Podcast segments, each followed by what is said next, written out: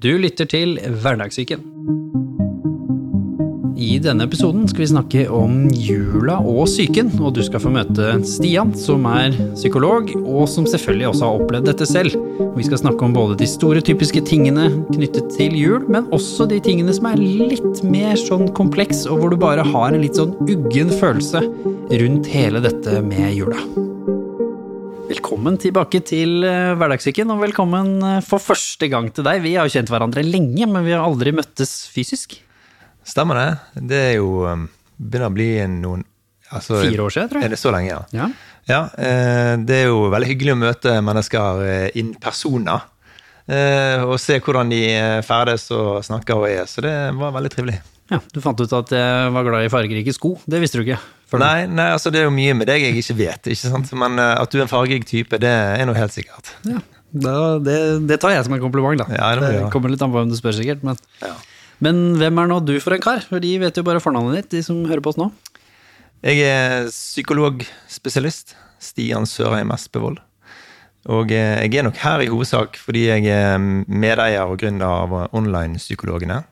Psykologen som er der du er. Vi er jo et rent, en ren eh, klinisk eh, online psykologklinikk. Eh, og eh, har ikke noen fysiske kontorer, så vi tilbyr kun eh, hjelp online. Da. Det er liksom hovedgreien. Eh, og eh, ellers så har jeg også en jobb ved siden av. Jeg er kommunepsykolog. Eh, 100% stilling. Ja. Sånn at eh, alt annet blir på topp. Som du er meget godt kjent med. Det blir mye greier på toppen. Ja, det stemmer. Ja. Og som dere vet nå, så skal vi snakke litt om, om jula.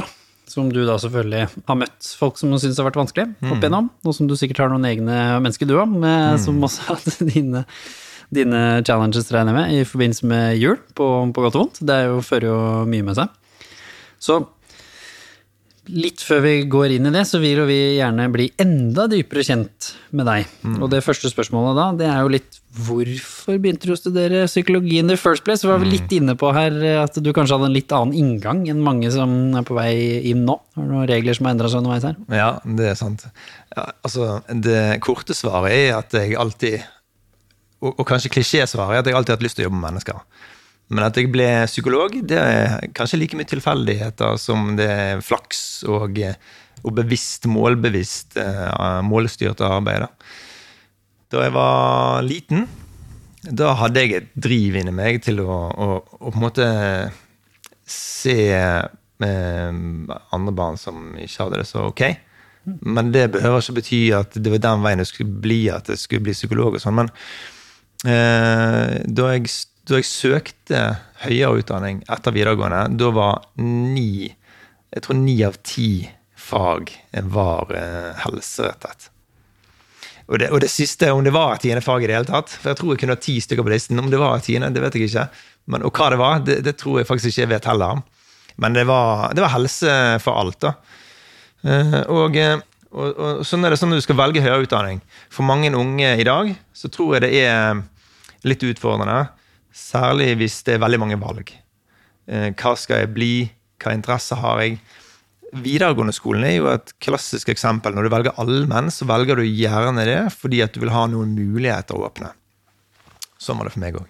Så da jeg eh, skulle søke høyere utdanning, og, og visste jeg skulle forplikte meg til et emne eller et fag over tid, da stakk årsenhetene seg fint ut, som det het en gang. For da kunne jeg eh, sjekke ut det, om jeg likte det, og så hadde jeg også muligheten etterpå til å velge noe annet dersom jeg ikke, det ikke falt i smak. da. Men um, så, så er det nok noe magisk som skjer der når man begynner å studere. Man, man trer inn i en helt annen rolle. Det blir akademia for alle pengene. Man etablerer et nettverk. Treffer likesinnede. eh, Blir påvirket av dem. Jeg har lyst til å gjøre det så godt som mulig, og, og da ble jeg bitt av psykologibasillen. da. Så da ble det lange dager på lesesalen. Mye, mye kaffedrøs innimellom, åpenbart. Men eh, også en del eh, eh, tid jeg hengte med mine nye studentkollegaer. Ble, ble revet med liksom inn i denne boblen der. Og, og det førte til at jeg la alt annet på hyllen og jobbet 100 for å komme inn på profesjonsstudiet. Og det klarte jeg til slutt. Det var en reise, det òg, altså. Men eh, da jeg kom inn, så kjente jeg virkelig egentlig litt, på angsten, da. Fordi nå starter jeg på et femårig løp. Sant? Som jeg, eh, jeg visste jo ikke helt hva jeg gikk til når du først kommet inn på studiet, men uh, da var det bare å bite det i seg og så erkjenne at du er på nivå med disse andre her. For det er jo veldig høyt uh, prestasjonsorientert studium. sant? Mm. Så det ble veien til, til psykologutdanningen. Og underveis der så var det om å velge retninger og hva jeg skulle fokusere på. Og da ble, var det mye tilfeldigheter. Tenkte kanskje først eh, barnepsykolog. Men, eh, men, da jeg skulle velge hovedpraksis, som er en ganske stor del ut av, eh, av studiet, da fikk jeg første valg. fikk være førstevelger. Så da valgte jeg eh, en arbeidsplass som het den gang Senter for krisepsykologi nå klinikk for krisepsykologi. Og da var det kun voksne klienter jeg jobbet med. Så da ble liksom den eh, stien gått litt, da. Og da jeg søkte min første jobb, så var det kun eh, voksenpsykologi eh, som var tilgjengelig, da, på en måte. Så, så da endte jeg opp med, med den, eh, den utdanningen. Voksenpsykolog er jeg nå spesialist i. Han forsto meg. Å slippe folk ordentlig inn. Følelser inneholder egentlig flere komponenter. Vi har det jo best når vi klarer å fungere godt sammen med andre mennesker. Dette er Hverdagssyken, podkasten hvor vi sammen med fageksperter og mennesker med levd erfaring tar for oss de tabubelagte temaene og psykisk helse i hverdagen. Og hvis du da skal gå litt inn i i psykologens verden, da. Mm. Hvis du, nå har du møtt mye mennesker, regner med. På Det siste vi fant ut at du hadde holdt på nå i en tiårstid, nesten. Og hva har jula hatt av rolle i, i, på en måte folks utfordringer og problemer? Sånn hvis du skal ta deg fra erfaringslomma først, før vi skal liksom gå litt mer inn i de klassiske tingene da, som er eh, forbundet med jul. Det er litt interessant, fordi på eh, ut ifra psykologen sitt ståsted, som er, og, og, som er da er erfaringsbasert, så er det jo sånn at når julen nærmer seg, så, så blir det faktisk færre og færre psykologsamtaler på kontor. Fordi folk blir mer og mer opptatt. Og eh, etter hvert så tar folk tidlig juleferie, og noen tar åpenbart eh, aldri juleferie. Men eh, så går jo jeg på ferie også. Eh, og eh, det eneste jeg vet, er at eh, det er nok en forskjell fra det å, å, å, jobbe eh, på sykehus, psykiatrisk sykehus, til å jobbe på et kontor med polikliniske forløp der klientene kommer og går på timen. Forskjellen er at eh, de som er på psykiatrisk sykehus, de, eh, de følger du litt tettere, da, og du ser litt mer hvordan julen eh, hvordan påvirker de, og hva den kan bety for de inne på en institusjon, på en døgnavdeling f.eks. Mens de som du treffer ute på kontor, de treffer du gjerne en siste gang eh, en uke to før jul, og så neste gang kanskje over nyttår. Så det er da du får høre mest om erfaringene de har gjort seg. Og der er det like mange erfaringer som det er mennesker omtrent. Det er hva er de største utfordringene som du på en måte har møtt på selv, da, som folk uh, har med jula, som påvirker da, det psykologiske og grunnen til at de kommer til deg? Da? Ja, altså De kommer jo sjelden kun for jula. Men det som, uh, men det som er erfaringen uh, til mange som, som, ikke har et godt forhold til jula, det er jo at jula er en tid med kanskje litt spente relasjoner, med konflikter. Det er veldig mange par, blant annet, som strever seg gjennom jula. Og i, i Storbritannia, eller i England, så er det den 26. desember kalles uh, Divorce Day. Da er det veldig mange som uh, går fra hverandre. Uh, og det har nok med å gjøre at jula tradisjonelt sett, i hvert fall i Vesten, har et veldig stort det ligger et press der, eller en, en, forventning til hvordan ting skal være. Både med tanke på at vi skal ha en god stemning, familien skal samles, det skal være det skal være, gå fint for seg, samtidig som vi skal være ganske Alt skal være på plass, og, og, eh, og det skal være eh, liksom Alle skal være på topp, da. Og, og det er veldig vanskelig å holde en fasade, særlig hvis du har i et forhold Hvis du er i et forhold der, eh, der det allerede er vanskelig fra før. Eller hvis du har eh, familierelasjoner eller ingen nære relasjoner som, eh, som du skal forholde deg til, eller forholde deg til ensomheten. da. Og kanskje ensomheten som stikkord er et av de temaene som, som opptar flest mennesker når julen kommer. Flest ut av de som eh, ikke har det så bra i julen. da. Eh, Så er det selvfølgelig mennesker som har eh, aldri hatt et godt forhold til julen fra de var små. Der det har skjedd vonde ting som er forbundet med julen. Og da blir jo julen på mange måter et åpent sår, sant? Som, som de er påminnet om hver eneste gang. Og, og det er nok utfordrende, tenker jeg.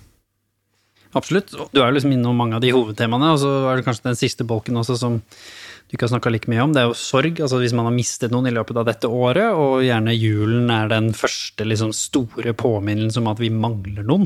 Det er det jo selvfølgelig det er jo alle kjenner på, uansett om vi har hatt psykisk helse eller uhelse. Sorg er jo liksom den ene tingen vi alle ikke kommer unna. på en måte. Har du levd lenge nok, så har du mista noen, dessverre. Absolutt. Um, og og eh, sorg er jo, er jo noe vi må forholde oss til, alle som er en. Eh, og når når man har mistet noen, så snakker vi ofte om det første sorgåret, sant? som du kanskje refererer til der vi skal gjennom alle høytidene for første gang uten den vi eh, savner. da. Og da er jo julen eh, en vond tid, eh, selvfølgelig. Eh, men det er òg eh, vondt med alle de andre høytidene. Men det er klart at julen, sant, som er forbundet med denne familietiden i, i Norge spesielt, så, så sitter man eh, sitter man med, med en tom stol rundt middagsbordet, og, og alle sammen eh, er klar over det, men det er ikke sikkert vi snakker så mye om det.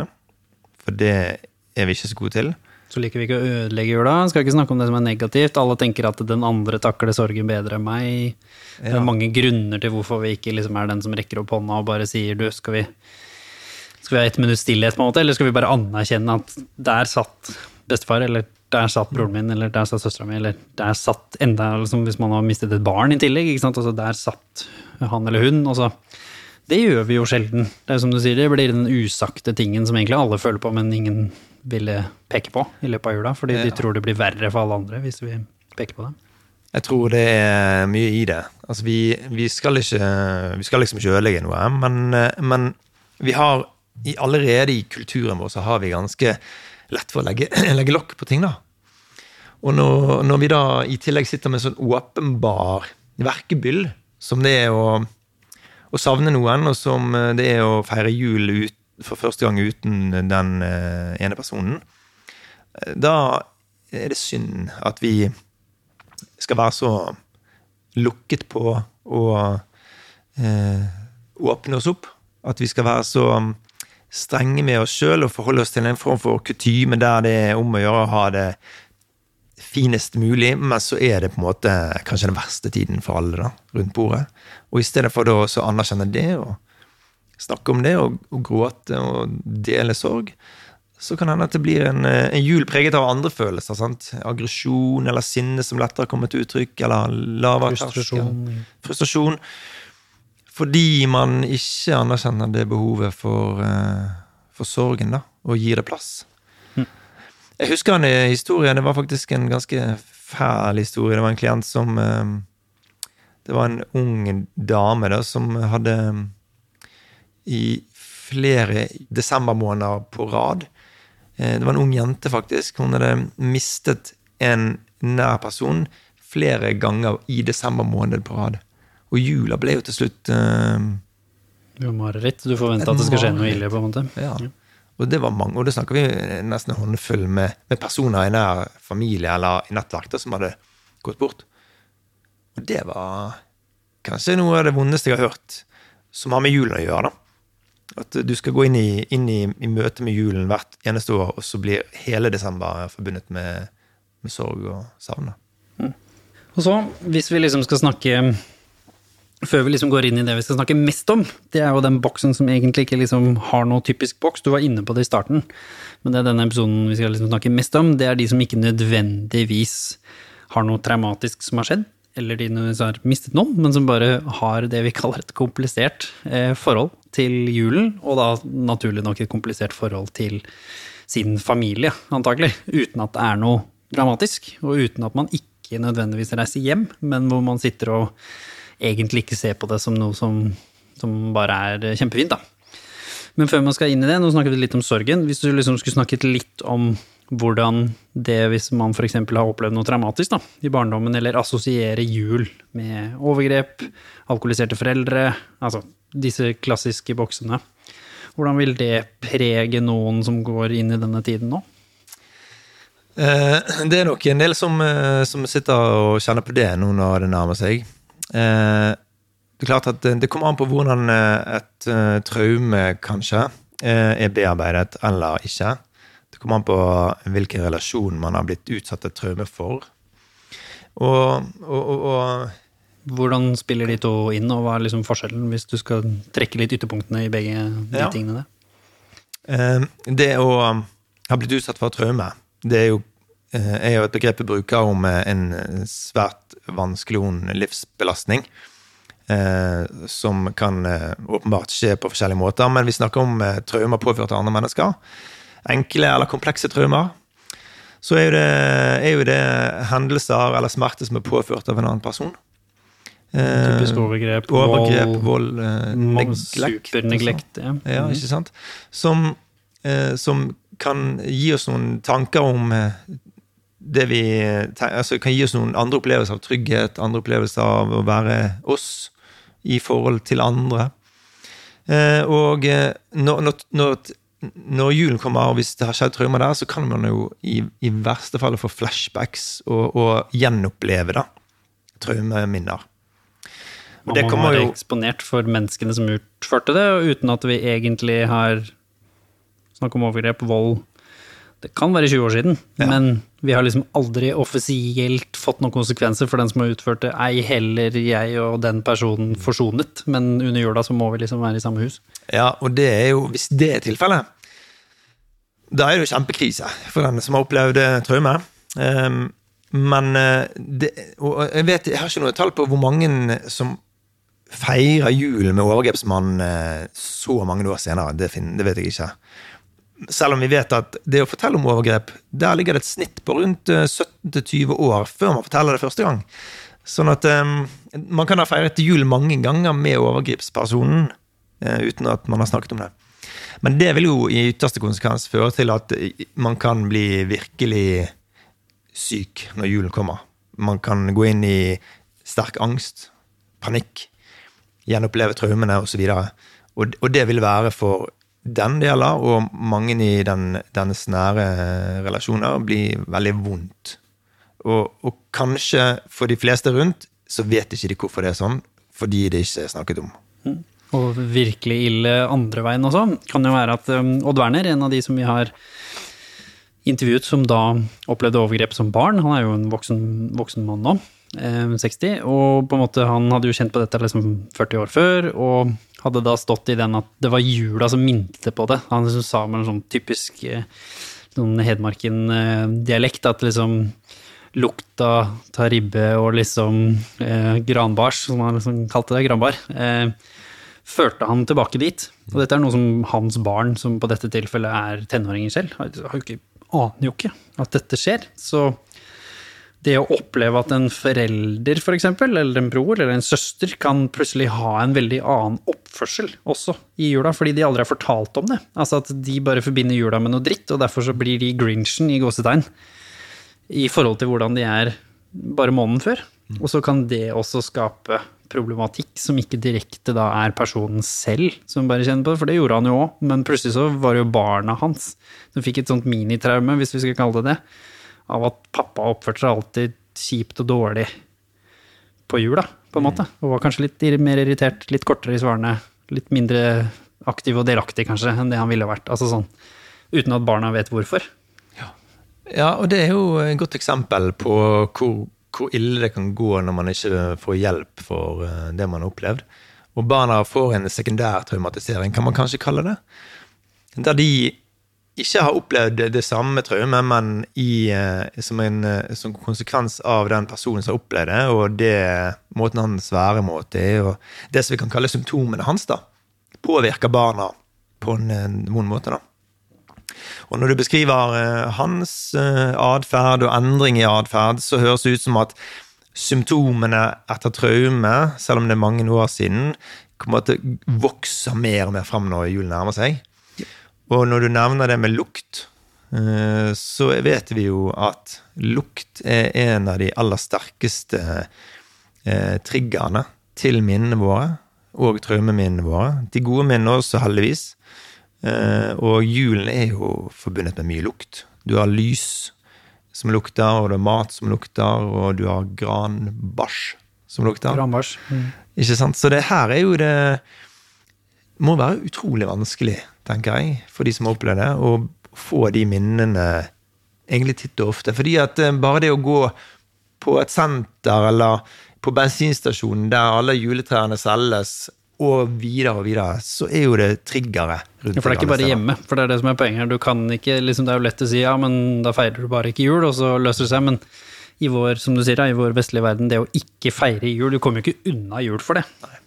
Så alle de samme problemene er jo der, selv om du kanskje velger å liksom skåne deg selv for det aller såreste med jul med din familie. Så er det fortsatt desember et mareritt i form hvis du har alle disse som negative triggere. Ja. Det minner meg litt om at når mennesker har opplevd eh, noe vondt i, i barndom, og de strever med det hele livet, så tenker jeg eh, Selvfølgelig, mange ganger på veien opp gjennom livet så burde de blitt fanget opp, og de burde fått anledning til å få hjelp. sant? Eh, og for de som opplever det opplever noe vondt og er klar over at dette trenger hjelp til, så er det òg en jeg har et sterkt ønske om at, eh, at de skal ha motet til å, å, be om hjelp. da.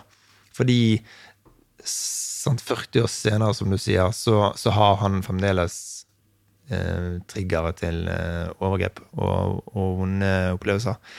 Og det ønsker jo ikke vi i dagens samfunn at noen skal ha, sant? Når, de, når, de, når det finnes ganske mye hjelp der ute. Åpenbart et helt kapittel for seg selv å snakke om hjelpeapparatet og systemet. Men muligheten for å få en eller annen form for hjelp eh, er jo til stede. Og da er det synd å høre at eh, noen strever så lenge med det.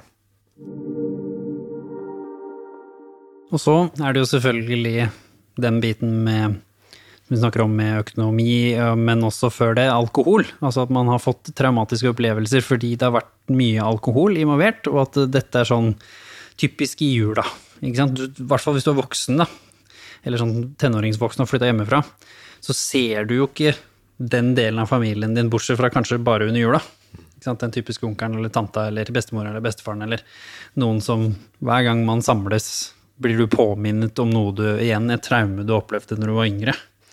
Som du ikke kommer litt unna, da. Hvis du ikke da plutselig blir den som sier og bryter med familietradisjonen jul, som er jo voldsomt dramatisk i vår kultur, hvis du ikke har en god unnskyldning. Altså sånn jeg kan feire med svigers, ikke sant, den kommer unna med, men hvis du sier 'nei, jeg vil ikke fordi jeg vil ikke', åh, det sitter langt inne. Så liksom hvordan hva Har du noen kommentarer til de som syns det er bare kompleks, fordi de blant annet på grunn av alkohol eller litt måten folk oppfører seg på, blir påminnet om veldig mye kjipe opplevelser når de var yngre? Ja, det kommer jo an på hva de har opplevd. Hvis det er overstadig berusede foreldre som er liksom, hovedstikkordet, og forhåpentligvis ikke eh, vold eller overgrep eller lignende, men det er mer enn nok med overstadig berusede foreldre, så har jeg møtt noen mennesker i voksen alder som, eh, som har, eh, har sterkt ønske og behov for å konfrontere, og som synes det er fryktelig vanskelig.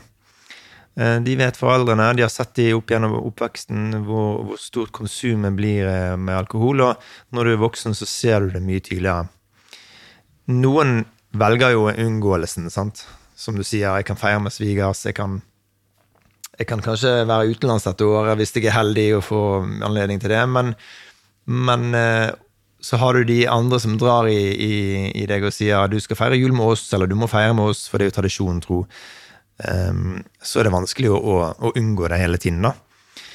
Um, og da tenker jeg, eh, er man voksen, har man noe styrke i seg, eller hvis man kan alliere seg med noen andre i søskenflokken, eller hvis man i en eller annen eh, tid i løpet av året, fredstid, som vi kan kalle det, klart å, også si fra hvordan man føler det, og hvordan man har det når julen kommer, så kan det kanskje være på vei til å, å sette i gang noe, da.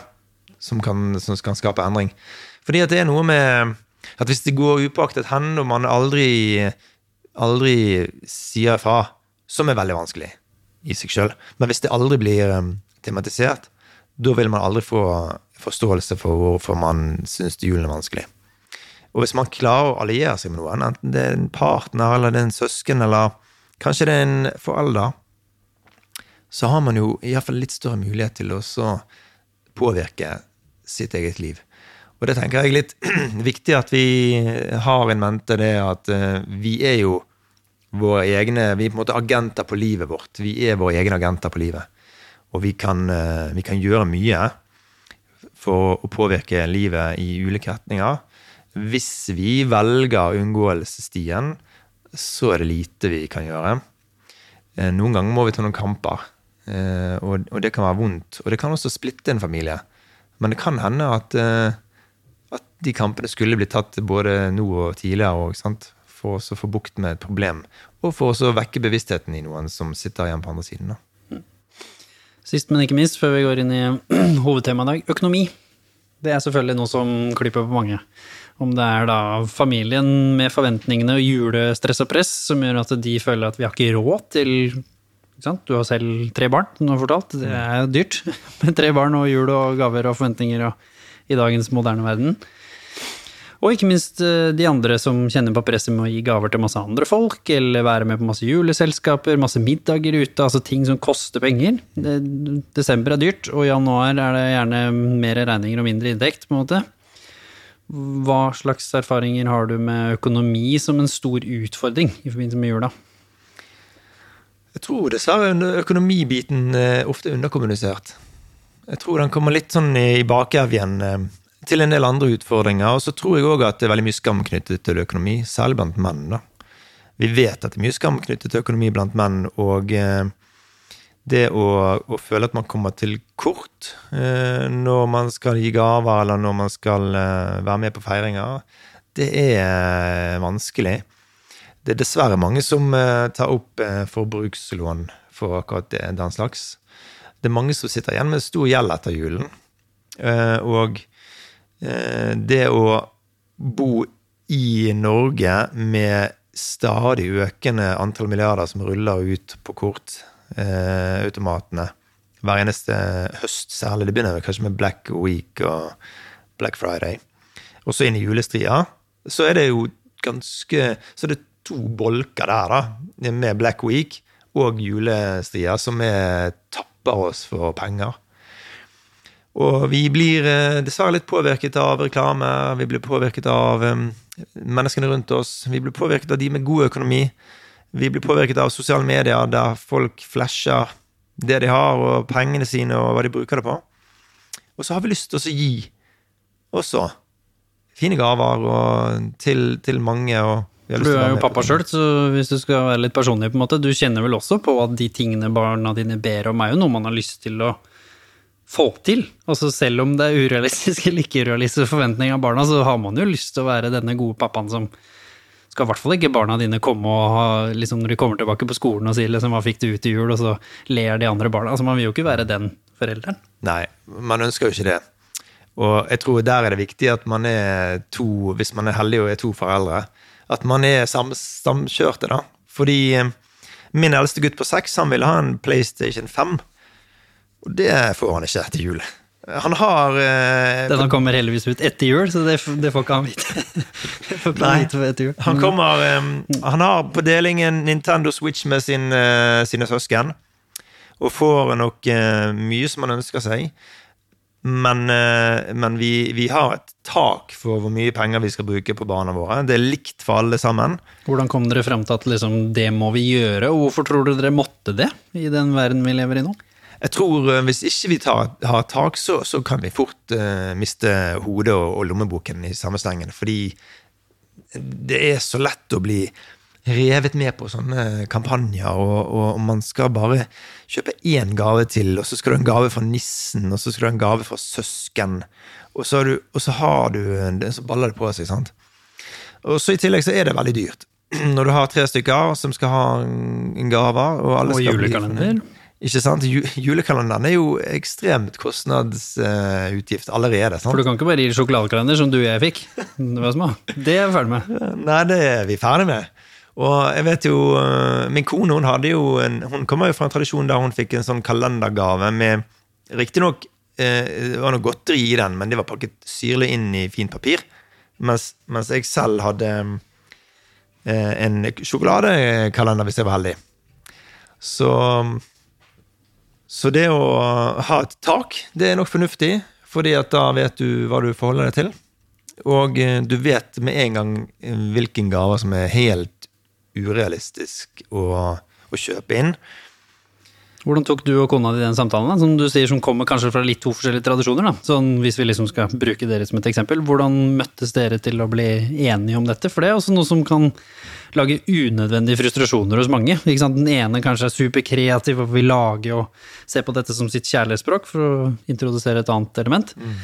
Og den andre kanskje har et annet syn på dette her, og igjen, som vi snakket om, kanskje har med seg tradisjoner og litt traumer òg, hvor vi mener sånn nei, ikke sant, skal, barna mine skal ikke bli bortskjemt, den ene, og så er det den andre som Men det handler ikke om bortskjemt, her handler det om å sette pris på tradisjon. Hvordan har man sånne samtaler når man ikke egentlig kommer fra samme utgangspunkt, da? Vi, vi har ulike eh, Dels ulike utgangspunkt. Min kone hun kommer fra en familie som er vant med å gi eh, gaver. Eh, og, og, og synes det er trivelig å gi gaver. Og så kommer jeg fra en bakgrunn der, der det ganske tidlig ble snakk om at eh, i år så skal ikke vi gi så masse gaver til hverandre. Og det kan jeg ikke helt forstå fra mitt nåværende perspektiv. Sånn, hva var grunnen til det? For det har nok ikke blitt kommunisert. Jeg tror det hadde litt med å gjøre at eh, noen følte at det var litt overflødig, og at det var unødvendig, og at vi hadde det vi trengte. Men samtidig så, fra barns øyne, så er jo det mm, gaver det handler om i julen. Eh, Så da vi eh, ble enige om eh, en grense, så, så er det nok litt sånn give and take at det er bedre at vi gir noe enn ingenting, men vi trenger ikke å gi i monn. Det blir ikke PlayStation 5 på alle. Det blir ikke det på alle. Mm. Eh, Men, men samtalen er viktig å ha uh, både for å belyse temaet, men òg for å, å lodde litt hva er det som er Hva er våre ulike bakgrunner? sant? Uh, vi er forskjellige alle sammen. Uh, og vi har ulike bakgrunner som drar oss i ene og den andre retningen. Og det har jo Vi snakket litt tidligere om hva måltid vi spiser i julen, og hva vi ikke spiser i julen. Og det er jo klart at uh, det har jo eh, Det har jo med, med tradisjonen vår og eh, våre foreldres påvirkning på oss og, og deres økonomi igjen. Sånn at eh, her, her var det bare viktig at vi landet det, og så eh, tar vi utgangspunkt i det for, eh, for fremtiden. Og så justerer vi det hvis det blir behov og mulig. Og så inn i liksom det store hovedtemaet her, da. At juls komplikasjoner handler egentlig om at det er ikke noe dramatisk, så man nesten skammer seg litt over at man overdramatiserer, hvis vi skal kalle det det. Men at det er ekte ting i bånn her, men som kanskje blir litt sånn underkommunisert. Da. Som du sier, at det er en komplikasjon av litt forskjellige ting. Det begynner med nummer én, jeg føler meg kanskje ikke så igjen i min egen familie. Kanskje man er den litt odd one out. Eller det har vært noen eh, minikonflikter eller liksom samtaler som har gjort at jeg har ikke nødvendigvis lyst til å tilbringe så mye tid med de, hvis jeg skulle ha valgt, på en måte. At det er det. Eller at det er andre ting som gjør at relasjonen bare ikke er fantastisk, men allikevel ikke forferdelig. Er ikke liksom, det er ikke vært noe vold eller en nødvendigvis det involvert, det er bare dette er kompleks. Som også kan bygge under på det du snakket om i stad. At vi bare eksempel, jeg egentlig mener at vi må slutte å gi julegaver fordi vi skal redde klimaet, for å liksom bruke en stereotyp. Og den andre mener at dette er noe av det varmeste og fineste vi gjør. Vi ser hverandre bare én gang i året. Hvorfor? Nei, dere må komme hjem lille julaften, for da skal vi begynne med sant? Så man følge tradisjonene. Og så møtes jo dette da i en familiesetting hvor vi har ikke valgt å ha hverandre i livet, de fleste av oss. Eh, Så derfor så føles det kanskje ekstra utfordrende enn sine venner og partnere eventuelt, da, som gjerne er litt mer selvvalgt, i hvert fall sånn i utgangspunktet. Hva Hvorfor er liksom jul så vanskelig å, å snakke om, som generelt, hvis man da ikke har noe sånn tydelig problem? Det er jo noe som heter uh, 'don't change a winning team'. eh, Og julen har jo vi alle et forhold til, og vi har jo Og det har jo alltid blitt opphøyet sant? I, i, i på en måte kulturen vår. eh, Betydningen av høytiden i religionen vår. Vi har jo vært et, kristent land i, i all tid, og, og juletiden, selv om vi glemmer at det handler om Jesu fødsel og kristendom i bunn, så har jo det hatt en veldig stor eh, og viktig betydning i, i norsk kultur. da. Og lenge før vi i vår generasjon og våre foreldre i sin generasjon, deres foreldre, eh, fikk så veldig stor eh, påvirkningskraft på den delen av julen. da. Selvfølgelig med, med den moderne tid så har jo eh, den materialistiske julen eh, overtatt mer og mer for, eh, for, for måte temaet, og, eh, og kanskje undertonen er ikke lenger kristendommen. det er enten noe å gi eller noe å få. Og, eh, og det er også mye økonomi da, i det. Vi kan ha samtaler om det, men jeg tror at hvis vi skal ha samtaler om det, så må man velge tiden, annet med omhu. Jeg vil aldri satt meg ned med familien og, og diskutert hvordan vi skal gjøre julen rett før jul. For da vet man at da vil inntoget til julen bli, bli påvirket av det. sant? Hvordan da? Nei, fordi hvis du, hvis du som eh, la oss si en forelder da, sitter ned med familien, og du har barn som kan i stand til å reflektere og ta beslutninger og ha en stemme og påvirke, og så sier du i år, folkens, så tenker jeg at vi, vi dropper gavene helt, eller vi, vi feirer jul på en annen måte, eller vi feirer ikke jul i år, eller vi Vi drar til utlandet. Eller vi drar til utlandet, ja. Um, mine foreldre de ønsket uh, opprinnelig å feire julen uh, alene i år.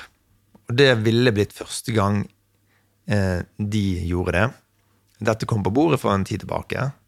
Og meg og min bror, vi er to brødre, vi måtte snakke sammen og, og, og forstå dette her. Fordi vi har begge lyst til å ha foreldre på besøk. Eh, og eh, vi endte opp med å, å, å, å ta stein, saks, papir for å finne ut hvem, hvem skal få invitere de da. På et eller annet vis som ikke er kommunisert ennå, så har de snudd. Så skal det til min eh, bror. Og det er vi glad for, men det er jo klart at det er jo noe der som vi ikke helt har fått tak i. Hvorfor vil de ikke feire jul eh, sammen med oss i år? Så det er nok en diskusjon som må tas, men nå er ikke rette tiden å ta det. Det merker jeg, fordi at eh, når julen nærmer seg, så blir det mer og mer Det blir litt sånn Folk blir litt mer kavet og stresset, merker jeg. Både med tanke på at eh, nå må vi eh, omstille oss til, eh, til feire med storfamilien, eller nå skal vi, nå skal vi gjøre ting som, som noen Vi skal feire jul på noen andre sin eh, måte. Altså hvis noen skal feire hos andre, da.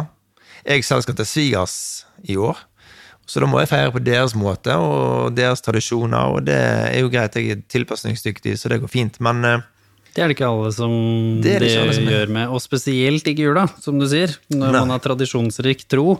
Alt fra maten til rutinene til spiser dere før kirken, klokken, etter middag, gaver. Altså, det er så mange brikker bare på julaften som kan pusles på 400 forskjellige måter, og det er fortsatt den samme jula, hvis du skjønner, mm. som kan skape problemer. Dette har jeg jo opplevd flere ganger selv, hvor vi har måttet ta brikker inn og ut da, av, av andre personer som har vært med på vår jul, hvis vi skal kalle det det, som har eh, reagert på liksom forskjellige ting. Da. Det er jo, eh, vi er jo eh, litt sånn konservative, eh, vi nordmenn. Vi, vi er ikke alltid så mottagelige for endring, som du er inne på. At det er mm, langt ifra alle som er tilpasningsdyktige og, og kan snuse rundt på en kronestykke. Så hvis elementer av jula blir endret på, så kan det jo kanskje oppleves som en inngripen i, i våre tradisjoner og våre ønsker og våre livsførsel og verdier. Fordi julen, og særlig julen, er jo kanskje forbundet med det å utøve en tradisjon på vår måte, som er noe som er ekte for oss, og som er sant for oss, og som er, som er laget av oss. Eh, forholdet vårt til julen det er jo ganske personlig for mange. Så hvis det, man skal bytte hjem, eller man skal ha andre med seg hjem, og det blir endringer i oppsettet, så er det nok noen som kan oppleve det vanskelig. Og så, og så tror jeg at, eh, som nevnt eh, Det går an å ha samtaler om det, men, eh, men, det kan ikke gjøres i desember måned. Da må man kanskje ta det litt tidligere, sånn at man har avtalt litt ting. Og selv da er ikke det noe oppskrift på hvordan det kommer til å gå, eller noe Eller om det kommer til å gå i det hele tatt. Eller om det kommer til å gå i det hele tatt. Men julen er også en kort periode, sant. Og jeg tenker i et større perspektiv som jeg sa til mine foreldre, dere kan jo feire Dere kan være alene hele året rundt hvis dere vil det, men akkurat på julaften så er det veldig hyggelig for oss, familien, barna og barnebarna, at dere er sammen med oss. Eh, klarer vi å Klarer vi for julaften især å holde litt igjen og bite i det for noen sure epler? Eller er det helt umulig? Det er, noe, det er jo et spørsmål vi må stille oss selv. Vi kan sette oss på bakbeina og si at dette her dette går ikke med på, men det er kanskje den julen man skal gå med på det, og så neste jul så blir det annerledes. Ja, for nå snakker du, nå er vi liksom litt inne i kjernen også, hvis vi snakker om relasjoner, forventninger. Kanskje det vanskeligste med julen. Spesielt hvis vi snakker om at hvis vi ser på familien som storfamilien, da. altså det å feire med mennesker som du ikke bor med til vanlig. Da snakker vi ikke om at du og kona di og barna deres plutselig skal være mye sammen, men her snakker vi om at du skal jo nå plutselig tilbringe tid med mennesker som du vanligvis ikke tilbringer tid med. Man skal gjerne gjøre det over litt lengre tid. Hvis man har noe sånn enda dypere tradisjoner, så er det gjerne flere dager. Det er ikke bare noen timer på julaften, for det tror jeg de fleste kan på en måte ta flagget med hånda og si at liksom, det, det overlever vi. Men det er jo gjerne dagevis. Noen er på hytter, noen er på steder hvor man ikke kan gjemme seg heller, hvis vi liksom skal Hvor det liksom meg-tid og privattid er begrenset. Eh, og hvor det er mange forventninger og forpliktelser også, med hva man skal bidra med av liksom forberedelser og mat og ikke sant, alle de tingene der. Og når man liksom kommer inn i denne her, og kanskje relasjonene liksom butter litt, så tror jeg ikke vi heller snakker eh, nok om Det er jo litt å forvente, ikke sant? Man, det er jo en grunn til at du ikke skal bo hjemme hos mamma og pappa for alltid. Det er liksom den ene, ikke sant. Vi barna kommer hjem til våre foreldre, for hvis man feirer julen på den måten. Eller at våre foreldre kommer til oss, som du beskrev. Det påfører jo ting, f.eks. hvis man står og lager mat Jeg og mamma har hatt så mange battles eh, på kjøkkenet fordi i utgangspunktet så var det jo mamma som selvfølgelig lagde maten, og så var det jo bestemor, og man har hatt påvirkning der. Men med en gang jeg blir voksen, så har jeg hatt en enorm matintteresse siden jeg var liten. Og problemet med å bli voksen er at du får egne meninger. og problemet med å være som meg, som da er den som liker å prøve nye ting hvert femte minutt, det er jo at uh, i møte med en person som er mer glad i tradisjonene, og vi skal gjøre det sånn fordi det er sånn det har alltid vært, så blir jo det kompleks i seg selv, bare den tingen. Og den tingen isolert sett er uproblematisk. Men når den tingen roter i hovedessensen med hvorfor du syns at relasjonen er vanskelig, eller hvorfor du syns dere er forskjellige, for eksempel, så er det sånn typisk at man blir Man overreagerer hvis du, sett, hvis du, hadde sett den objektive situasjonen mellom meg og mamma, og så hadde du psykoanalysert den, så hadde du tenkt liksom her er det å forvente denne reaksjonen av Jimmy, og denne reaksjonen av moren til Jimmy. Og så blir begge reaksjonene mye mer enn det. Fordi det er jul, fordi man pirker borti gammel moro. Og det tror jeg det er veldig mange som føler på. At når de kommer hjem, så er det akkurat som om jeg kommer hjem med de høye skuldrene, jeg nesten forventer at det skal bli noen konfrontasjoner. Ikke noe, igjen, ikke noe alvorlige greier. Egentlig sånn objektivt sett helt mm, altså tullete saker. Men i denne konteksten av julen så bare blir det noe som man gruer seg til. På en sånn unødvendig måte. Og så sitter man og er voksen person og sitter og gruer seg til å være hjemme, uansett om det i mitt tilfelle er bare noen dager eller noen timer da, sammen med liksom den såkalte storfamilien. Liksom, hva slags refleksjoner og forhold har du til liksom, hvordan hjernen vår funker, da, og hvorfor jula da blir så kompleks, selv om det egentlig ikke er noe alvorlig som skjer? Det høres jo ut som at eh, det du beskriver, er en rigid eh, Er ulike mennesker med litt rigid mindset når, når ting eh, kolliderer helt, sant. Fordi eh, også situasjonen kan nok, eh, kan nok være reell for, for noen eh, at man ikke har noen rømningsvei. Skjønt forhåpentligvis så har vi en eller annen mulighet for en, eh, en kortvarig retrett. Enten inn på et rom eller utenfor på en altan eller Og så er jo dagene Dagene er jo lange. Så kan hende man har også muligheten til å ta seg en tur. Sant? Nå bare tenker jeg litt sånn For å gi scenario noe mer eh, handlingsrom her, da. For hvordan ville det påvirke mine reaksjoner å ta de bevisste breaksene hvis jeg vet at liksom jeg er litt lett irritert mot ett menneske i familien, og i mitt tilfelle så er det ikke bare ett menneske, liksom det er flere, og hvor det er forskjellige aspekter alle veien, og de er sikkert irritert på meg også, så det går liksom forskjellige veier, det. Det er ikke det jeg mener. Men hvorfor er det smart å liksom ha en liten plan? For at ikke liksom man bare skal gå og leve på følelsene og huden gjennom disse to dagene, så det er som å gå på et minefelt, liksom. Vi, vi, vi bruker jo i psykiatrien så snakker vi om eh, kriseplaner. Og kriseplanen i psykiatrien det er jo eh, ha nedtegnet handlinger og muligheter for å ivareta seg sjøl når det virkelig røyner på. Da.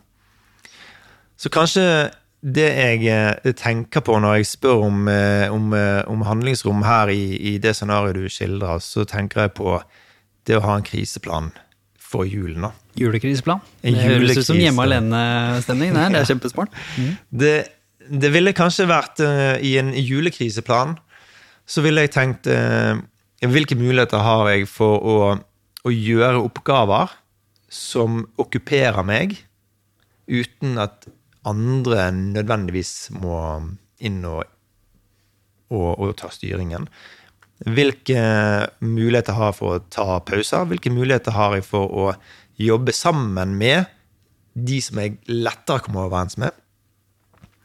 Og hvilke situasjoner vet jeg 100% sikkert jeg ikke skal være borti, hvis jeg kan velge de bort, da. Det kan kanskje være elementer i en sånn julekriseplan. Eh, Fordi det som du beskriver, og som sikkert er realiteten for mange der ute, forhåpentligvis ikke så mange at hver jul er helt sånn locked down-situasjon koronamessig, der vi ikke kan gå ut, på en måte. Eh, så, så, eh, så forhåpentligvis ikke sånn. Så har man muligheter til å ta seg noen pauser i ny og ne. Og det er klart at det, det trenger man å gjøre. Det trenger også mor å gjøre, det trenger far å gjøre, og det, og det trenger vi å gjøre. Og vi har forhåpentligvis muligheter til å trekke oss inn på et rom eller, eller lignende. Det som, det som du på en måte spør om, hvorfor er, så, hvorfor er det så vanskelig, og hva er det som skjer i hjernen, det er nok litt vanskelig å svare på for meg òg, fordi i, i de øyeblikkene der vi mister eh, besinnelsen, da har jo det allerede på grunn av relasjon som er vanskelig fra før, så har det på en måte blitt dråpen i begeret. Jeg pleier å bruke tre stikkord som jeg gir til klienter når, når, jeg, når vi snakker om eh, hvordan vi skal endre atferden vår. Det ene er jo identifisere. Legge merke til, eller på forhånd tenke ut scenarioer som litt eh, fortalt. Eh, hvilke scenarioer skal jeg være litt forsiktig i? Og så er det bevisstgjøring, som er de eh, Som er måte vår evne til å reflektere over hva er lurt å gjøre i situasjoner jeg har identifisert. Og så er det utføre. Gjennomføre planen, sant, som er krisen din. da. Jeg tenker her at eh, Hvis du allerede når du går inn i julen tenker de og de situasjonene skjer gang etter gang etter gang, kan jeg prøve å bypasse de på et vis, eller når de står på, i de øyeblikkene, så skal jeg eh, på en måte ikke si så mye eller gjøre så mye ut av meg. Og så trekke tilbake når jeg har muligheten til det. Um, eller i de øyeblikkene mor ber meg om noe, eller far gjør noe, eller er bror eller søster, så skal jeg måtte, så vite at dette her er en øyeblikksbilde ut av hele julen.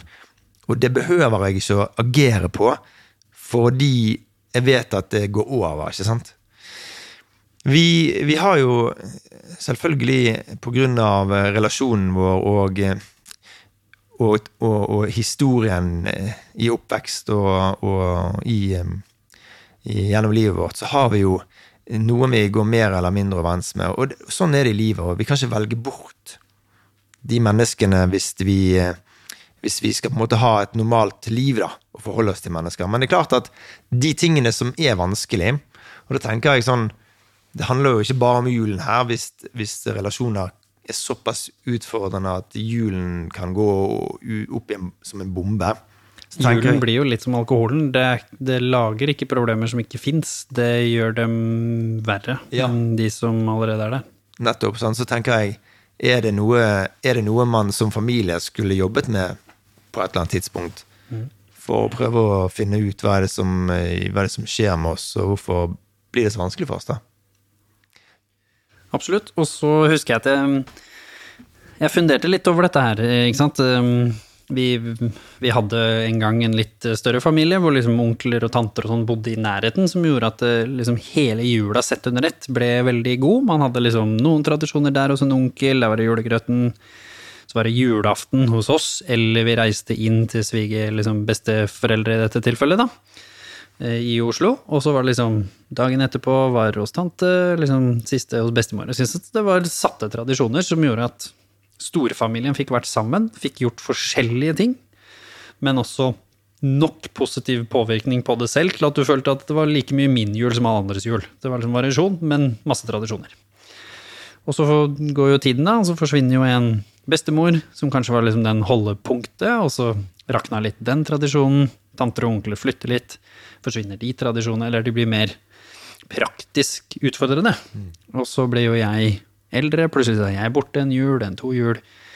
Og så begynner liksom ting å ende opp med at du sitter nesten igjen i vårt tilfelle, da, som de voksne vi er nå, hvor jeg ikke liksom tar en uke fri, liksom. Altså, ikke nødvendigvis at jeg har gjort det så ofte, men jeg har mindre fri, da. Så jeg kan fort finne på å komme veldig tett på det som skjer. Og det samme med egentlig søstera mi også.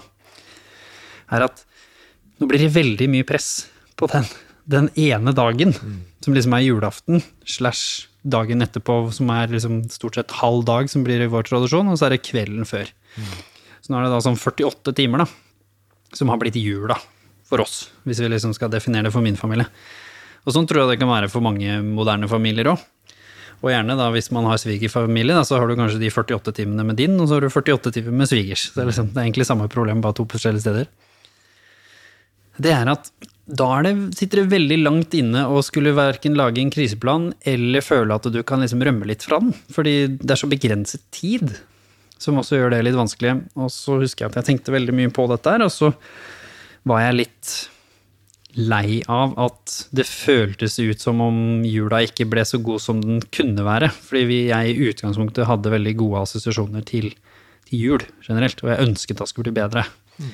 Hvor jeg da og min relasjon på en måte selv til liksom visse familiemedlemmer også var kompleks. Hvor jeg visste at jeg var også en del av problemet. Så tenkte jeg sånn, ok, lagde jeg en kriseplan, ish det du snakket om. Hvor jeg tenkte sånn, ok, hva er det jeg kan påvirke? Nummer én, hva er det jeg kan bidra med til den andre personens stressnivå? For jeg vet jo også noen av de som jeg liksom har mine frustrasjoner med, de to dagene er ekstra stressa, spesielt julaften. Så måten personen reagerer på nå, er ikke det samme som hvis jeg kom fra en uke siden, hvor det ikke var jul. Så derfor så må jo jeg gi litt sånn benefit of the doubt. Og kanskje være, som du sier, ha sett litt for meg en situasjon. Ok, da gjør jeg sånn, da gjør den personen sånn. Jeg har lyst til å reagere sånn her, for det føles rettferdig for meg. Men jeg tror den andre er veldig stressa, så den reaksjonen jeg får som utgangsreaksjon, kanskje ikke egentlig er sånn den personen vil reagere. Og da var jeg litt mer bevisst, som du sa, når jeg gikk inn i jula. Så jeg klarte å liksom mm, ta meg selv et par ganger. Det er jo ingen som er supermennesker her, så det er ikke sånn at jeg klarte det hver gang. Men mer enn hvis jeg ikke tenkte på det. Og da ble det færre sånne unødvendige situasjoner. Jeg tror jeg klarte å gjøre noen positive sacrifices, hvor jeg fikk ned stressnivået litt til den andre personen, og flere i familien, hvor jeg hjalp til med forskjellige ting. Og jeg valgte å ta meg selv ut av noen situasjoner. Så så middagen kan være litt sånn kompleks for meg, fordi jeg føler meg veldig annerledes. Så jeg føler at det de sitter og snakker om, kan ikke nødvendigvis være det jeg ville hatt lyst til å snakke om. Og jeg kan føle noen ganger at noen av spørsmålene jeg får, som er liksom den som lever et liv som er veldig annerledes enn det de gjør, og kanskje ikke har så mange samtaler med de i løpet av året om det, er litt slitsomme. Så frivillig oppvask. Ikke sant? Da tar jeg den. Da fjerner jeg et stressnivå fra noen som syns oppvask er noe herk. Jeg gir meg selv en mulighet til å gå og gjøre noe annet uten at resten av familien trenger å sitte og tenke på at liksom, oi, nå velger han å gå, hva er det for noe galt? Og så overdramatiserer vi ikke noe som egentlig ikke er så veldig dramatisk. Og selvfølgelig, jeg har muligheten da til å ha min bitte lille retreat i denne connection, og liksom hente inn litt styrke, og så går vi inn i, vi inn i krigen, igjen, holdt jeg på å si, hvor, eh, hvor jeg overlever eh, det, da. Men også det å trekke frem det positive. Hvor jeg da snakket med liksom, søstera mi, f.eks. Noe jeg syntes var hyggelig, var å se film sammen. For nå er det sånn, ikke sant, én sitter på iPaden sin, én sitter på altså, For meg er det helt fjernt. Liksom, vi alle sitter og ser på det vi vil se på. Da forsvinner jo hele liksom. Men da kunne jeg vært hjemme i Oslo. Sånn i mitt logiske hode, da. Og så tenkte jeg ok, hvis jeg forhåndsalvierer meg, da, som du sa, og jeg snakker med søstera mi, var sånn Jeg syns det var veldig hyggelig. Det er en av de få tingene jeg føler vi har positivt til felles. Kan ikke vi velge ut på forhånd et par filmer, og så liksom gjør vi det? Som en del av eh, lille julaften eller julaften, da. Da fikk jeg hun med på det, og da gjorde vi det. Selv om det kanskje naturligvis ikke var det vi ville valgt individuelt som det vi hadde mest lyst til hver for oss. Men det gjorde at vi fikk bitte litt samhold og positive assosiasjoner til hvordan jula var før. Som var veldig fint, da. Og så er det jo sånne tørre å ta sånne små kamper, da, som eksempel jeg er jo en ganske sunn person på generelt grunnlag. Så er vi heldige at vi fortsatt får en julestrømpe, da, fordi det er tradisjonsrikt og det er koselig. Så mamma og de ordner opp. Men da får jo jeg de tingene som kanskje mamma følte at jeg likte for 15 år siden. For jeg har en helt annen livsstil nå. Ja.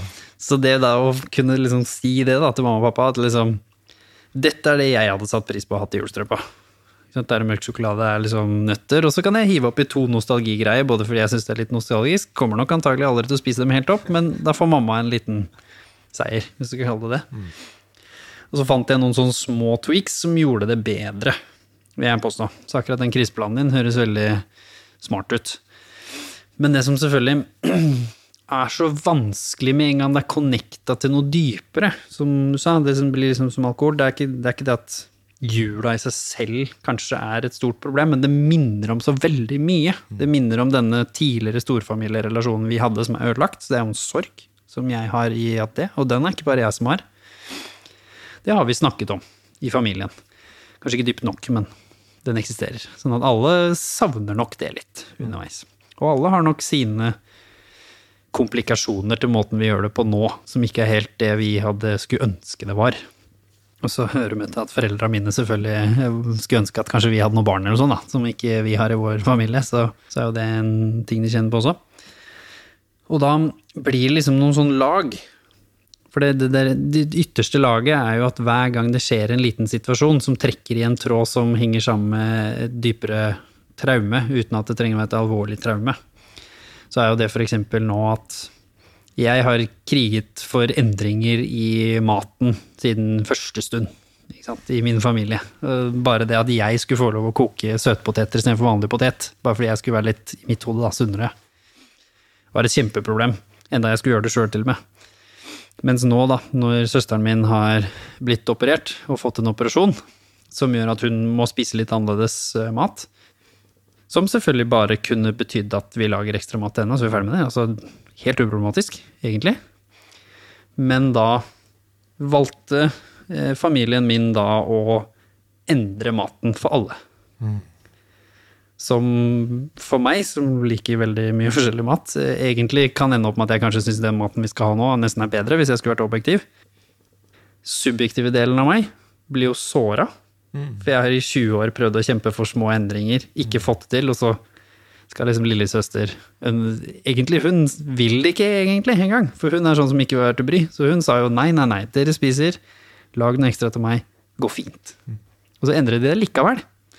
Da er det liksom veldig sånn, og jeg tror sånn er jula for mange. Det er ikke bare én ting. Det er en objektiv ting, det er en subjektiv ting, det er en underbevisst ting. Og så sitter man litt sånn til slutt hvor man tenker sånn Det greiene her, det gruer jeg meg til. Og så kan det hende at du har mange fine moments allikevel i løpet av disse dagene, men sånn på generelt grunnlag så gruer man seg til noe som egentlig skal være veldig hyggelig. Nå, nå trekker du inn uh, dette med urettferdighetsfølelse. Og uh, å føle seg uh, annerledes behandlet, sant. Og det tror jeg er vondt for, for alle som opplever det. Det er vondt for alle som opplever det. Særlig når man er søsken i en flokk, fordi eh, da skal man være likeverdig. Og, og, og foreldrenes kjærlighet skal være ubetinget. Og der tror jeg det er mange søsken som, som har ulike erfaringer. Jeg tror nesten alltid det er noen som kan kjenne på følelsen av at min bror eller min søster var for eh, Altså var på en måte prioritert, eller fikk eh, førstevalget eller siste ord. Det tror jeg. Og så, høres det ut som at det blir veldig tydelig når, når det eksempelet kommer opp, da, med at du i mange år hadde lyst til å endre på matveien, og av tradisjoner, og av eh, at det kanskje ble opplevd som en bry å gjøre det, bare fordi noen ønsket å gjøre det. At det oppleves urettferdig siden nå blir alt snudd litt sånn opp ned for din søster, da. Som egentlig ikke vil ha det engang. som egentlig ikke vil ha det, og som føler hun blir til bry. Da. Og, det, og, og, så, og så er jeg litt sånn glad for at du sier at um, her har jo vi prøvd å snakke det på, om det på et tidspunkt, men kanskje ikke nok. Og det kan hende at det ligger noe i det. At uh, det, er, det er mange i familien som, som kjenner på en eller annen noe som, som drar litt, og som er litt vanskelig. Og jeg tenker jo at um, ja, kanskje det skulle vært eh, oppe til eh, diskusjon eh, på ny eh, på et tidspunkt. Hvordan har vi det som familie? sant? Det som du beskrev før du begynte å snakke om, eh, om dette, var jo at du faktisk tok oss eh, lytterne gjennom eh, gjennomføringen av en ganske god kriseplan. Jeg må bare skyte inn det, for det må, ikke, må ikke bli glemt. Eh, og litt sånn i mitt hode Jeg satte opp litt en teoretisk sånn, og, så, og du tok det praktisk rett ut. Jeg syns det var veldig fint forklart for folk som lytter, hvordan man kan kjøpe seg noen sånne pauser underveis. Ta oppvasken, skrelle potetene, eh, rydde av bordet. Bare, det tenkte jeg var veldig fint. Eh, Men selvfølgelig tilbake til kjerneproblematikken. Og det er den der eh, Det er en, en underliggende konflikt der som ikke er forløst. Så tror jeg at, eh, at det er noe man må ta tak i. Enten man vil eller ikke, på et tidspunkt. Eller så kan man risikere at hver eneste jul blir akkurat sånn som det der. Følelsen av urettferdighet, eller følelsen av at man ikke snakker det samme språket, vi kommuniserer ikke. Det er et eller annet som er eh, usagt. Og eh, og det kommer fram i irritasjon og frustrasjon og, og konfrontasjoner. Så det, det tenker jeg Alle som hadde beskrevet et sånt scenario, da tenker jeg ok, kanskje man skulle hatt et familieråd på et eller annet vis. Eller et, en lignende samtale. da. Hvordan gjør man det, da, når man kanskje liksom føler at dette, har, dette er gammel moro, man føler kanskje Og det er det ganske mye snakk om òg, hvor man liksom Ja, men nå er de gamle. Ikke sant? Skal vi ikke bare la dem være? Det er noen generasjonelle greier. Ikke sant? Vi snakker sånn om besteforeldrene mine, eller jeg snakker sånn om foreldrene mine, og de snakker sikkert sånn om oss også. Altså, så det er den derre det føles ekstra kompleks fordi det er en forventning til at visse ting skal vi bare la være, og bare putte på den knaggen med at we're just a different generation. Sant? Vi snakker mer om følelsene våre, så derfor så Det toget har seilt. Mm. Hvor mye har du på en måte troa på at det faktisk er en greie? Eller vokser alle generasjoner litt med tiden også?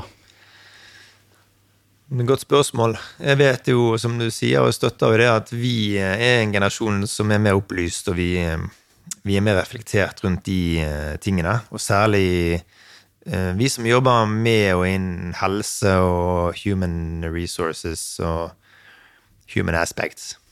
Jeg tenker at eh, hvis det er sånn at hver høytid, enten det skulle være påsken eller pinsen eller julen eller det skulle være andre tider man samles gjennom året, så vil jo det til slutt bli en del eh, både dager, altså timer og dager der, det, som det utgjør totalt.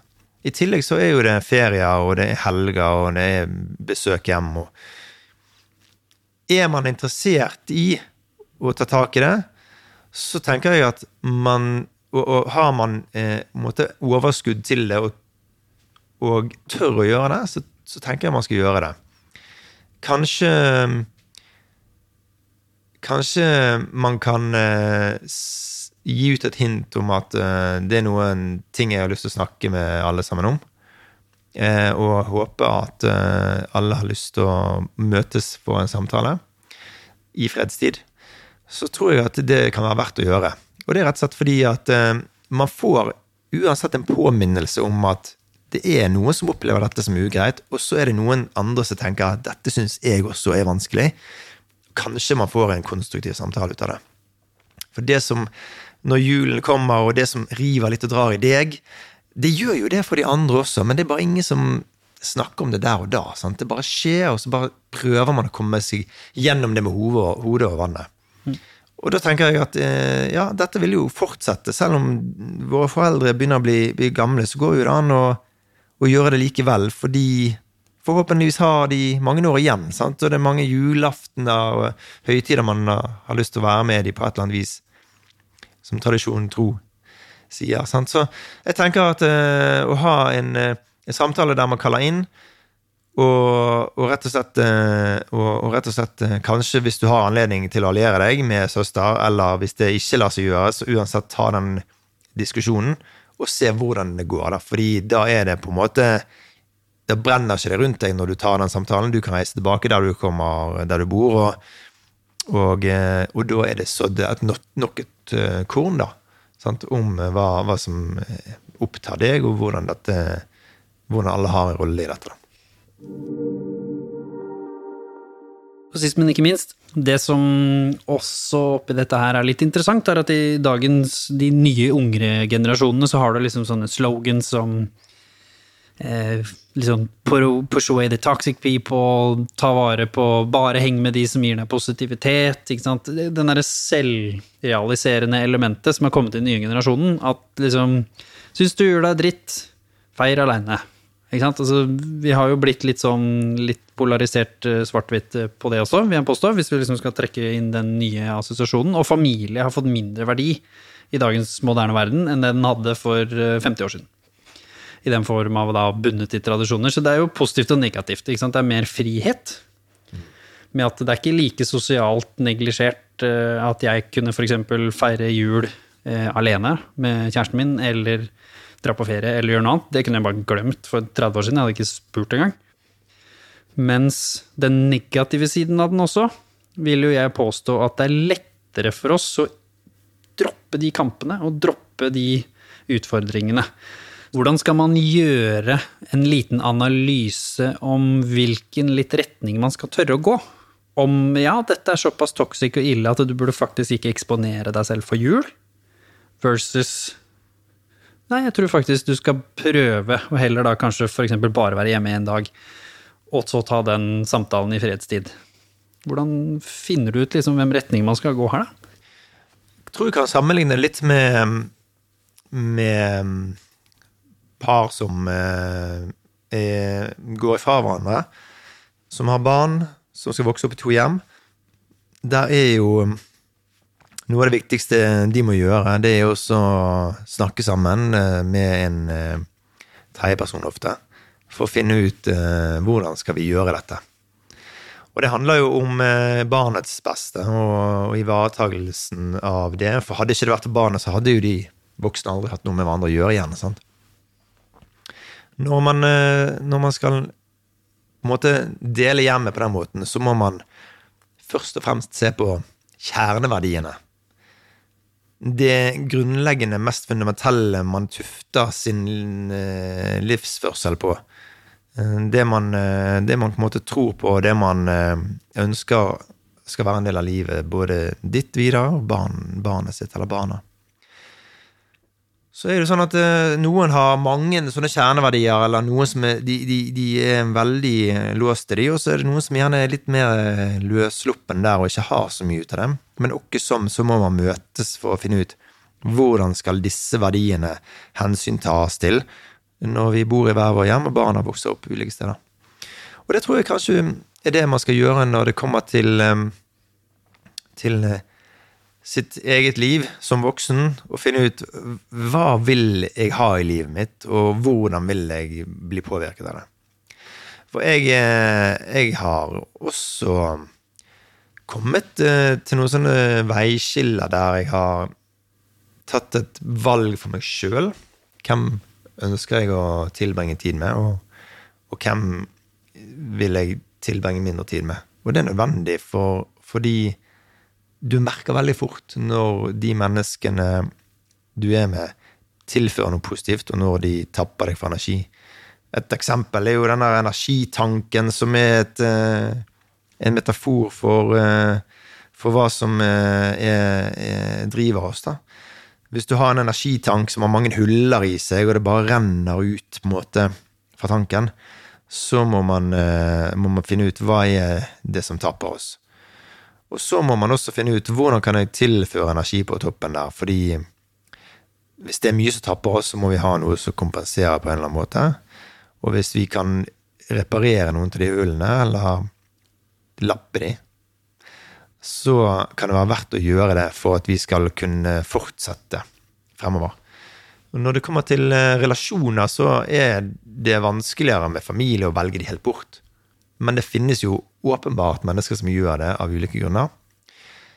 Sannsynligvis eh, tenker jeg i, i de scenarioene du har beskrevet, så ville jo jeg eh, ikke valgt de bort. Eh, eller så vil ikke, tror ikke du vil velge de bort, men jeg tenker at eh, det går an å finne ut eh, skal, hvordan skal jeg forholde meg til de gangene jeg møter de, og hvor, hvor, hvor, hvor mange grenser skal jeg sette for meg sjøl, da. For jeg vil jo ivareta meg sjøl i det hele. Jeg ønsker å ha det greit, og jeg ønsker å gi, gi, noe av meg selv. Men jeg vil jo også kunne gå derfra og kjenne at ok, her, men ikke lenger, på en måte. da. Så jeg tror at eh, det å finne ut um, hva er mine grenser, uh, hvor går de, uh, hvordan skal jeg kommunisere dette, og ikke minst leve etter det når alt kommer til stykket, med en, en, form for um, holdning om eh, egenomsorg og verdighet, ikke minst, fordi det handler jo om eh, oss selv og hvordan vi tar vare på oss, men òg med respekt for andre og, eh, og eh, om vi klarer det, en ydmykhet for at jeg hører at dere vil ha meg her i to dager til, men jeg kjenner at jeg må tilbake til et eller annet annet. da. Så prøve å så skape eh, gi seg selv det overblikket og bli bestemt eller være enig med seg sjøl i første omgang, og så utføre dette i praksis, tenker jeg da. Ja, og Sist, men ikke minst, så tenker jeg litt den der at det er lett å tenke at hvis vi skal gjøre noe sånt for oss selv, hvis vi har fått litt familien opp i halsen, jula opp i halsen, eller står i noe veldig tøft som gjør at vi kanskje ikke kan møte tradisjonen på, på samme rolige måte, så må vi ofte ha en litt sånn avstandsperiode før normalisering. Litt det samme som hvis du skulle slutte med sukker, eller slutte med alkohol, eller snus, eller liksom hva nå enn folk er avhengig av, så må du gjerne først ha full avstand. Det kan være med en X, for eksempel, det også, hvor man har som mål å kanskje bli venner igjen, eller som du sier her, da, at man har, man har to barn, eller Så må man gjerne først bare få litt sånn helt avstand, veldig tydelig, mine grenser, jeg er i fokus, for å møte sine emosjonelle behov. Og også kanskje undersøke de litt. Fordi når du står midt oppi situasjonen, så er det ikke nødvendigvis du vet hva som er grensene dine heller. Før du faktisk setter dem. Og så blir det sånn Ja, men det var faktisk ikke så viktig. Jeg satte veldig en grense på at eh, jeg og mamma ikke skal lage mat sammen, da. Bare som, som et eksempel. Bare sånn Nei, det var kanskje ikke der problemet lå. Det var bare der symptomet lå. Og så har vi rydda opp i noe annet, og så kanskje det gikk helt fint å lage mat. For eksempel, når jeg hadde kriseplanen min. Så fant jeg ut av det. Jeg trodde liksom bare ok, men da bare driter jeg og blander meg inn i mat. Altså, Spiser jeg det jeg får, liksom. Så lenge ikke jeg får løk som jeg er allergisk mot, så, liksom, så går det greit. Men så i kriseplanen min, når jeg gjorde da noen justeringer, så fant jeg ut at nei, det var ikke det. Var ikke det. det var, kanskje det var noe annet. Og så gikk det fint. Så fikk jeg lagt til en ting som gjorde at julen ble bitte litt bedre for meg. Så jeg tenker også at det er mange som kjenner på nå som bare sånn åh, gud, skal jeg si nei til å være hjemme til jul? Ja, kanskje du skal det, men også fordi at du innerst inne i magen eller sjela di kan tenke litt på at det betyr ikke nødvendigvis at du aldri skal feire jul igjen med familien din. Eller at hvis du sier 'jeg kommer bare hjem på julaften', men ikke resten. Så kanskje det er den, liksom det stempelet du trenger å sette ned, men i tro om at du gjør det for å utforske litt mer hvordan du tenker dette skal funke for deg. Enten om du går da til høyre eller venstre i slutten av det. Og selvfølgelig også alltid utfordre deg selv bitte lite grann, for i dagens moderne verden hvor vi er veldig sånn meg og mine behov, så kan man jo også ende opp med å sitte litt grann igjen med svarteper. For noe av det mest givende i hele verden er jo selvfølgelig å klare å føle at man vokser gjennom en konflikt, eller vokser gjennom en vanskelig relasjon, eller kan bedre en vanskelig situasjon eller relasjon. Så den litt enklere veien, da, som ofte er å kutte helt eller dytte helt unna, long term snakker vi nå, kan kanskje ende opp med at du sitter igjen med mye underbevisst dritt. da. Du sitter med dårlig samvittighet, du kan sitte med at du føler på Du føler deg forlatt. Du føler, ikke sant? Altså, hvis du sier nei til å være med på julaften ett år, og du aldri blir invitert igjen, men du heller aldri spør om å komme igjen, hvis du skjønner, den klassiske feilen, ikke sant? Så kan du sitte med en følelse av at du at ingen liker deg, eh, når egentlig sannheten var at de følte at du ikke liker dem fordi du sa nei det ene året. Så jeg tenker at det er viktig å liksom vite at ting ikke er svart-hvitt. Um, som du sier, eh, tørre å kanskje ta samtalene langt vekk fra jula, hvor folk er mindre emosjonelt påvirka. Og det da å tørre å ta en sånn liten analyse, men også huske at du er ikke den eneste som eksisterer i verden. Så hvis du på en måte har en familie og ønsker å ha en form for relasjon til de, god eller dårlig, så kan det hende at jula kan være en av de tidene hvor du kan finne en måte å gjøre det på, hvor du får litt jul, og hvor du ikke får alle de negative konsekvensene. Tenker jeg. Har du noen closing remarks eh, før vi runder av denne episoden? Jeg syns det høres lurt ut å, å utforske hvordan eller hvilken stil vil jeg eh, ha, og, og prøve det ut. Jeg er enig i at eh, det behøver ikke være et, eh, et, eh, lukket kapittel. Men, men at man husker på at det er lett å gå på akkord med seg sjøl ofte. Og det skal man ikke alltid gjøre. Noen ganger kan man svelge en kamel. Det er ok. Det må man vel nesten for å ha en relasjon? Det må man i alle relasjoner, men man skal ikke alltid gjøre det. Og da, hvis man føler at man alltid gjør det, da må man sette foten ned og så si ok, hit, med det ikke lenger. Og ta den eh, diskusjonen.